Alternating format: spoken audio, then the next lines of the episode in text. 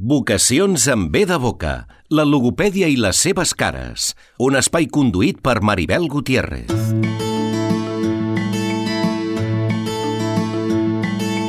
Molt bon dia, migdia, tarda, vespre o nit, sigui quin sigui el moment del dia en què ens estigueu escoltant. Benvinguts a aquest espai, un espai en què ens apropem a les diferents cares de la logopèdia. Soc la Maribel Gutiérrez i avui us parlarem de logopèdia i veu. I ho farem de la mà de la Gemma Solà, una autèntica crac en aquest àmbit. Aquí tenim el plaer de saludar. Gemma Solà, molt, bon, molt benvinguda a Ràdio Silenci. Gràcies, Maribel. Escolta'm, Gemma, qui és la Gemma Solà? Bueno, jo sóc una logopeda, com tantes altres coneixem tu i jo, i, i el que em caracteritza és que m'he especialitzat en la veu, amb la rehabilitació de la veu. I, bàsicament, perquè ens entenguem, rehabilitar la veu és ajudar a les persones que estan amb afonies, amb disfonies, que noten que la veu no els acaba de funcionar tot bé.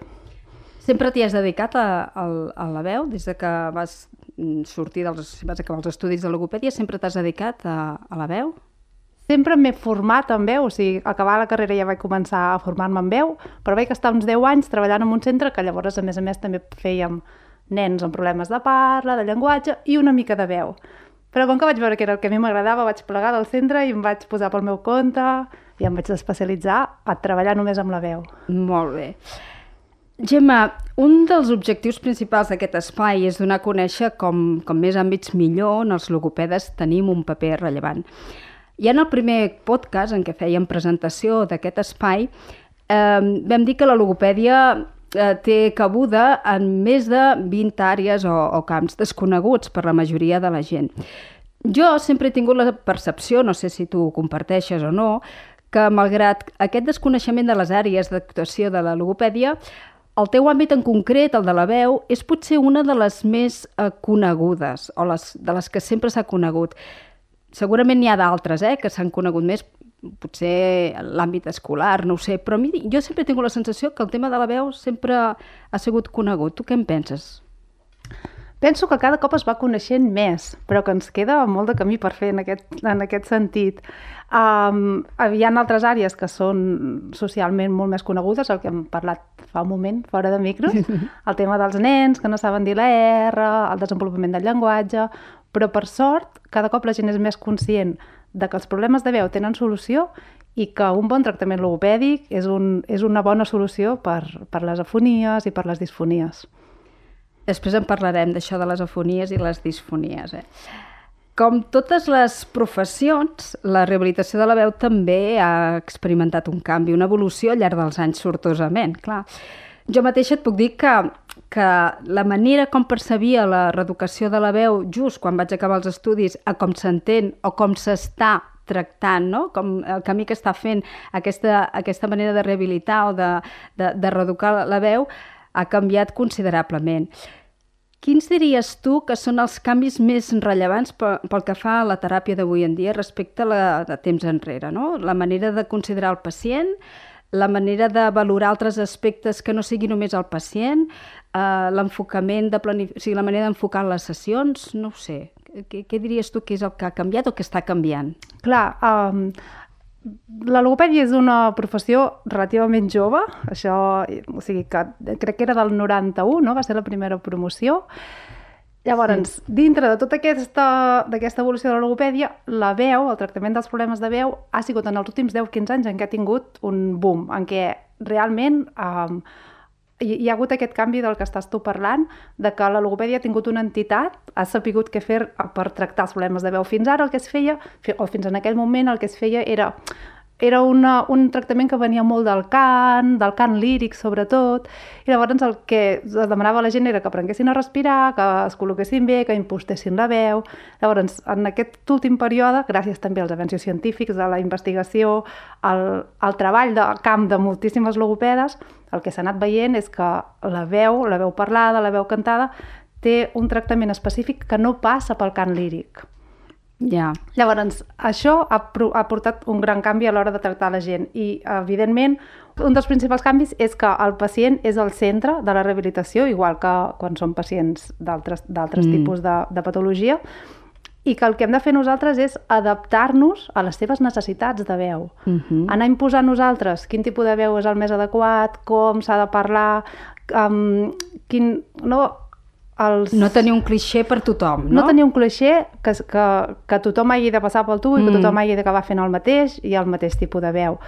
Um, això és molt fàcil d'entendre amb les amb les propostes que es veu d'higiene vocal, si tu busques Mhm. per internet com a cuidar la voz o propostes d'higiene vocal, et comencen a dir no cridis, no mengis picants, no, um, no escriguis a la pissarra amb guix perquè la pols del guix et pot fer mal, vigila amb les calefaccions, tot és no, no, no, no. Quan sabem que la vida és molt més variable i que hi haurà persones que un, alguna d'aquestes coses l'afectarà molt i en d'altres no tant. Llavors, Mhm. aquest punt d'adaptar-nos és Sí, sí. bàsicament el, el que veig que és el principal canvi que hi ha hagut en la rehabilitació de la veu. Clar, i, i, i referi- relacionat amb això, com veus tu també la forma, com ha canviat la formació? Perquè mm, veiem un canvi en la manera de, de, de tractar el pacient, però això també va lligat a una, a una manera de, de, de planificar els estudis. No? Si, si tractem el pacient d'una manera diferent és perquè també a nivell pedagògic s'ha pensat que la formació d'un logopeda també havia de canviar respecte al que s'havia fet sempre, no? O, això està canviant. Això està canviant, Falta molt també per fer encara. I, de fet, o sigui, jo sé que hi ha universitats i hi ha programes formatius que, que estan molt actualitzats, però també n'hi ha molts d'altres. O sigui, jo m'estic trobant encara logopedes que han acabat ara o que fa poc han acabat, que els hi han ensenyat el mateix que em van ensenyar a mi fa 20 anys. Llavors, és un procés, està, es, està canviant. De mica en mica. Sí. Et vull preguntar una cosa que, que a vegades es plantegen alguns estudiants de logopèdia, fins i tot logopedes que, que ja fa temps que van, que van, van acabar els estudis, eh? però que pel que sigui es volen centrar en la reeducació de la veu. Un logopeda, una logopeda de veu, necessita tenir una bona veu d'actor, d'actriu, de cinema, com cantar com la Cavaller, per exemple. Necessita saber música, necessita saber tocar un instrument. Um, clar, tot depèn de, del que entenguem per bona veu. Sí, un logopeda ha de tenir bona veu, però una bona veu no té per què ser una veu apta això per anar a fer concerts o per fer doblatge. Ha de ser una veu sana i una veu que sigui flexible, que sigui àgil per poder donar els exemples de veu en els pacients, per poder treballar la veu dels altres. Una veu que no estigui afònica, que no tingui grans problemes.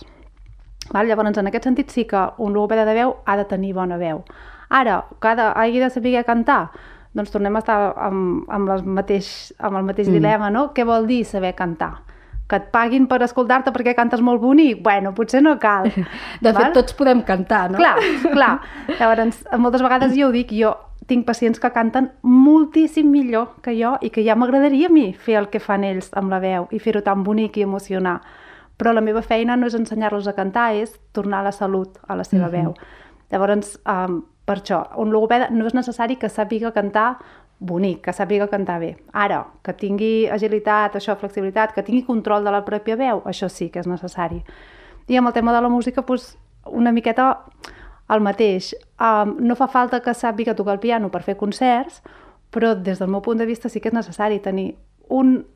Ja sé que hi ha, hi ha aplicacions, hi ha programes informàtics que ara et poden ajudar, però el tenir un teclat i saber quatre coses, donar els tons per, per treballar la veu en el toca toca, això et dona una agilitat i et dona també un llenguatge per mm -hmm. poder treballar amb els pacients que si no ho tens potser és una mica més complicat.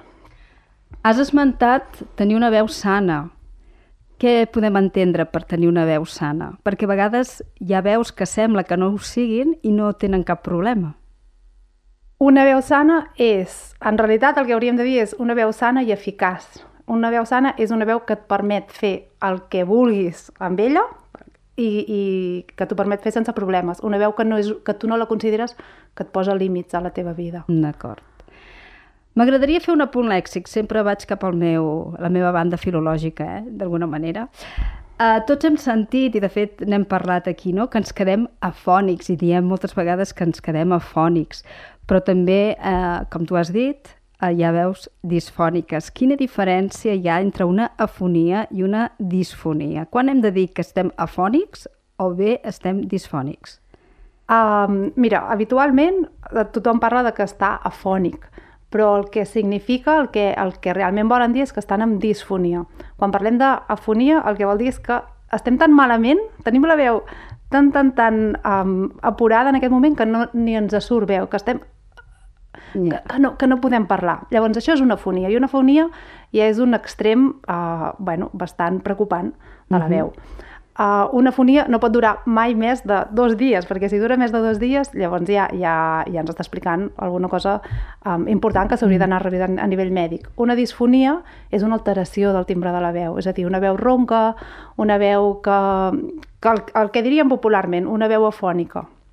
Mm. Val? Llavors, um, us he de confessar que jo quan parlo amb els pacients parlo de fonies, encara que sàpiga que m'estigui referint a disfonies, perquè és el que habitualment Ja, la gent es coneix. Sí. I és el referent que tenim tots més clar, no? Doncs, um, quan algú es queda això afònic, per entendre'ns, uh, és molt habitual que la gent parli, no? Parlem xiu-xiuejant. Què ens pots dir del, del xiu-xiueig? Um, el que trobaràs a tot arreu és que el xiu-xiueig és un tipus de veu que s'ha d'evitar, no? el, que, que és un tipus de veu que ens pot donar més problemes encara de veu.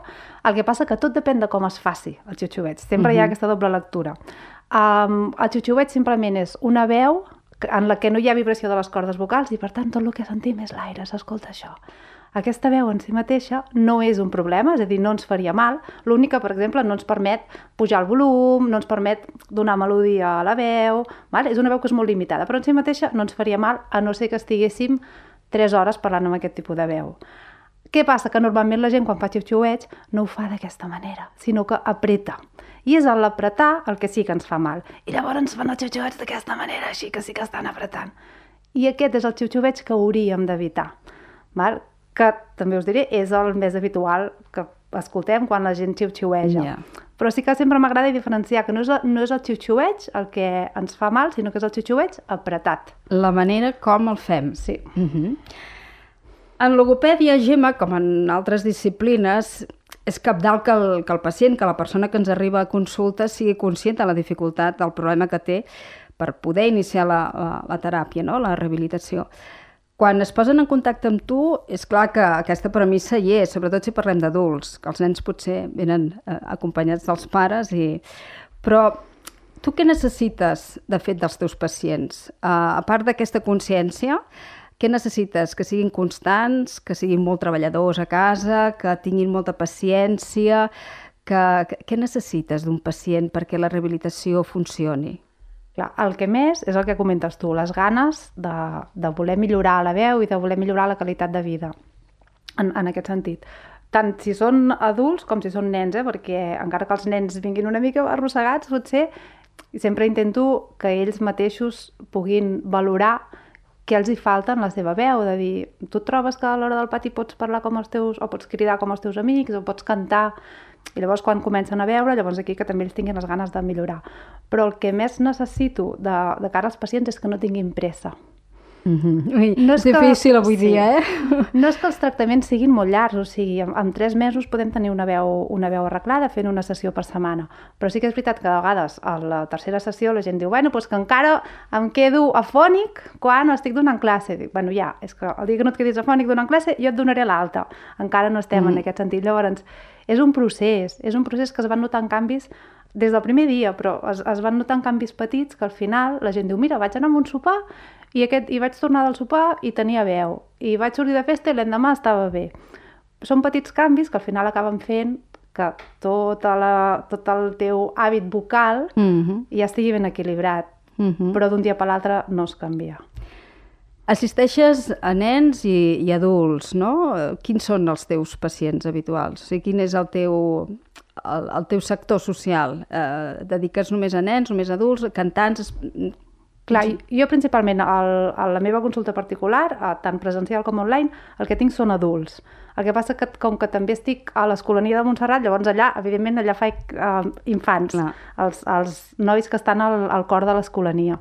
Però a nivell privat, bàsicament, són adults. Sí que de tant en tant apareix algun nen, tot i que n'hi ha, tot i que n'hi ha menys. I de, tip, de feines o de professions, i cada cop també per sort venen més cantants que entenen que tenir un problema de veu no vol dir que no sàpiguen cantar o que tinguin mala tècnica, sinó que és com quan un jugador de futbol ha d'anar al fisioterapeuta, Mhm.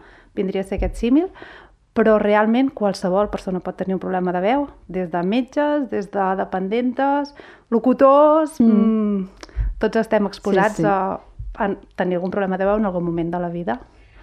El logopeda no és un professional que treballi de manera aïllada i cada vegada mm, cada vegada treballem de manera més multidisciplinar, no? Amb quins professionals et relaciones més tu? Sobretot, sobretot, sobretot amb els otorrinos i amb els otorrinos especialitzats en veu, perquè ells també tenen especialitzacions, llavors n'hi ha que són uns cracs mirant les cordes i sapient si aquelles cordes tenen algun tipus de patologia, et fan diagnòstics superprecisos. Um, aquests professionals serien amb els que jo tinc més contacte directe.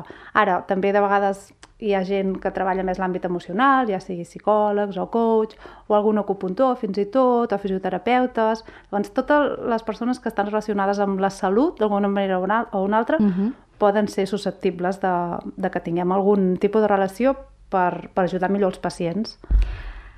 Quin consell donaria general? Ara ja sé que m'has dit no podem entrar a Google i, i seguir els consells generals, però va, una miqueta per sobre, per cuidar-nos la veu. Un consell que pogués anar bé a tothom. Mira, jo sempre dic que el millor consell és el sentit comú, per mi, perquè la gent eh, pot estar forçant molta estona i quan forcem la veu ho notem en el coll, notem que ens pica, notem que ens rasca, notem que tiba, i tot i així continuem parlant, continuem cridant, continuem cantant, i llavors l'endemà doncs, estem com estem. Llavors, el primer és el sentit comú. Si tu notes que la veu t'està començant a fallar, t'està començant a, a donar avisos de que per allà no, para, calla, descansa la veu. A- Aquest, per mi, és el, el consell que pot ajudar més gent i que pot ser més generalitzable, perquè sempre, sempre, sempre hi ha una sensació física de malestar.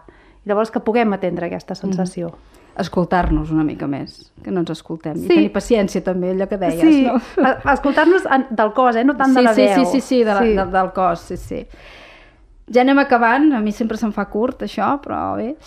Però mira, com a curiositat m'agradaria demanar-te si tens alguna anècdota curiosa, divertida que ens puguis compartir al llarg de, de la teva... De...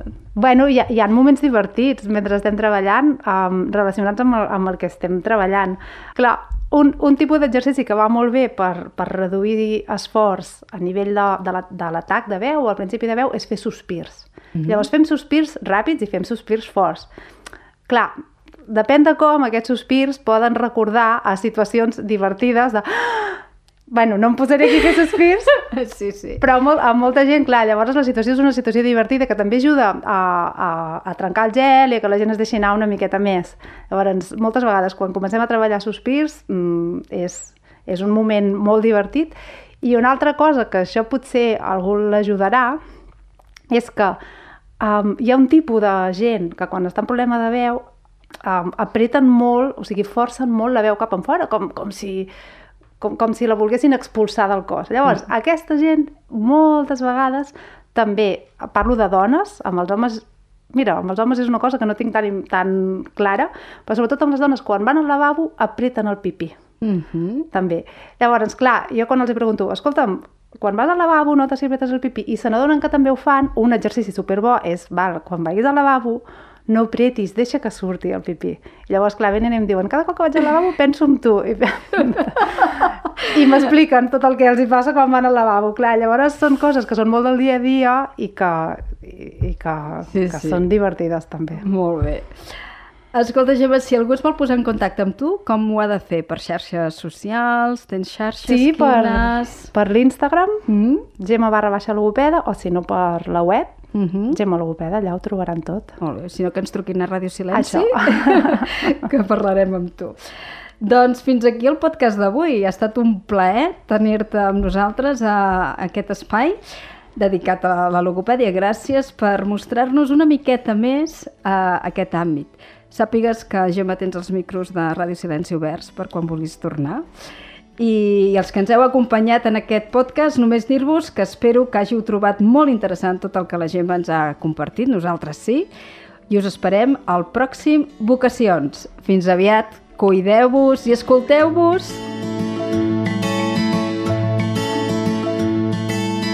Pots escoltar la resta de podcast de la temporada a la web de l'emissora radiosilenci.cat.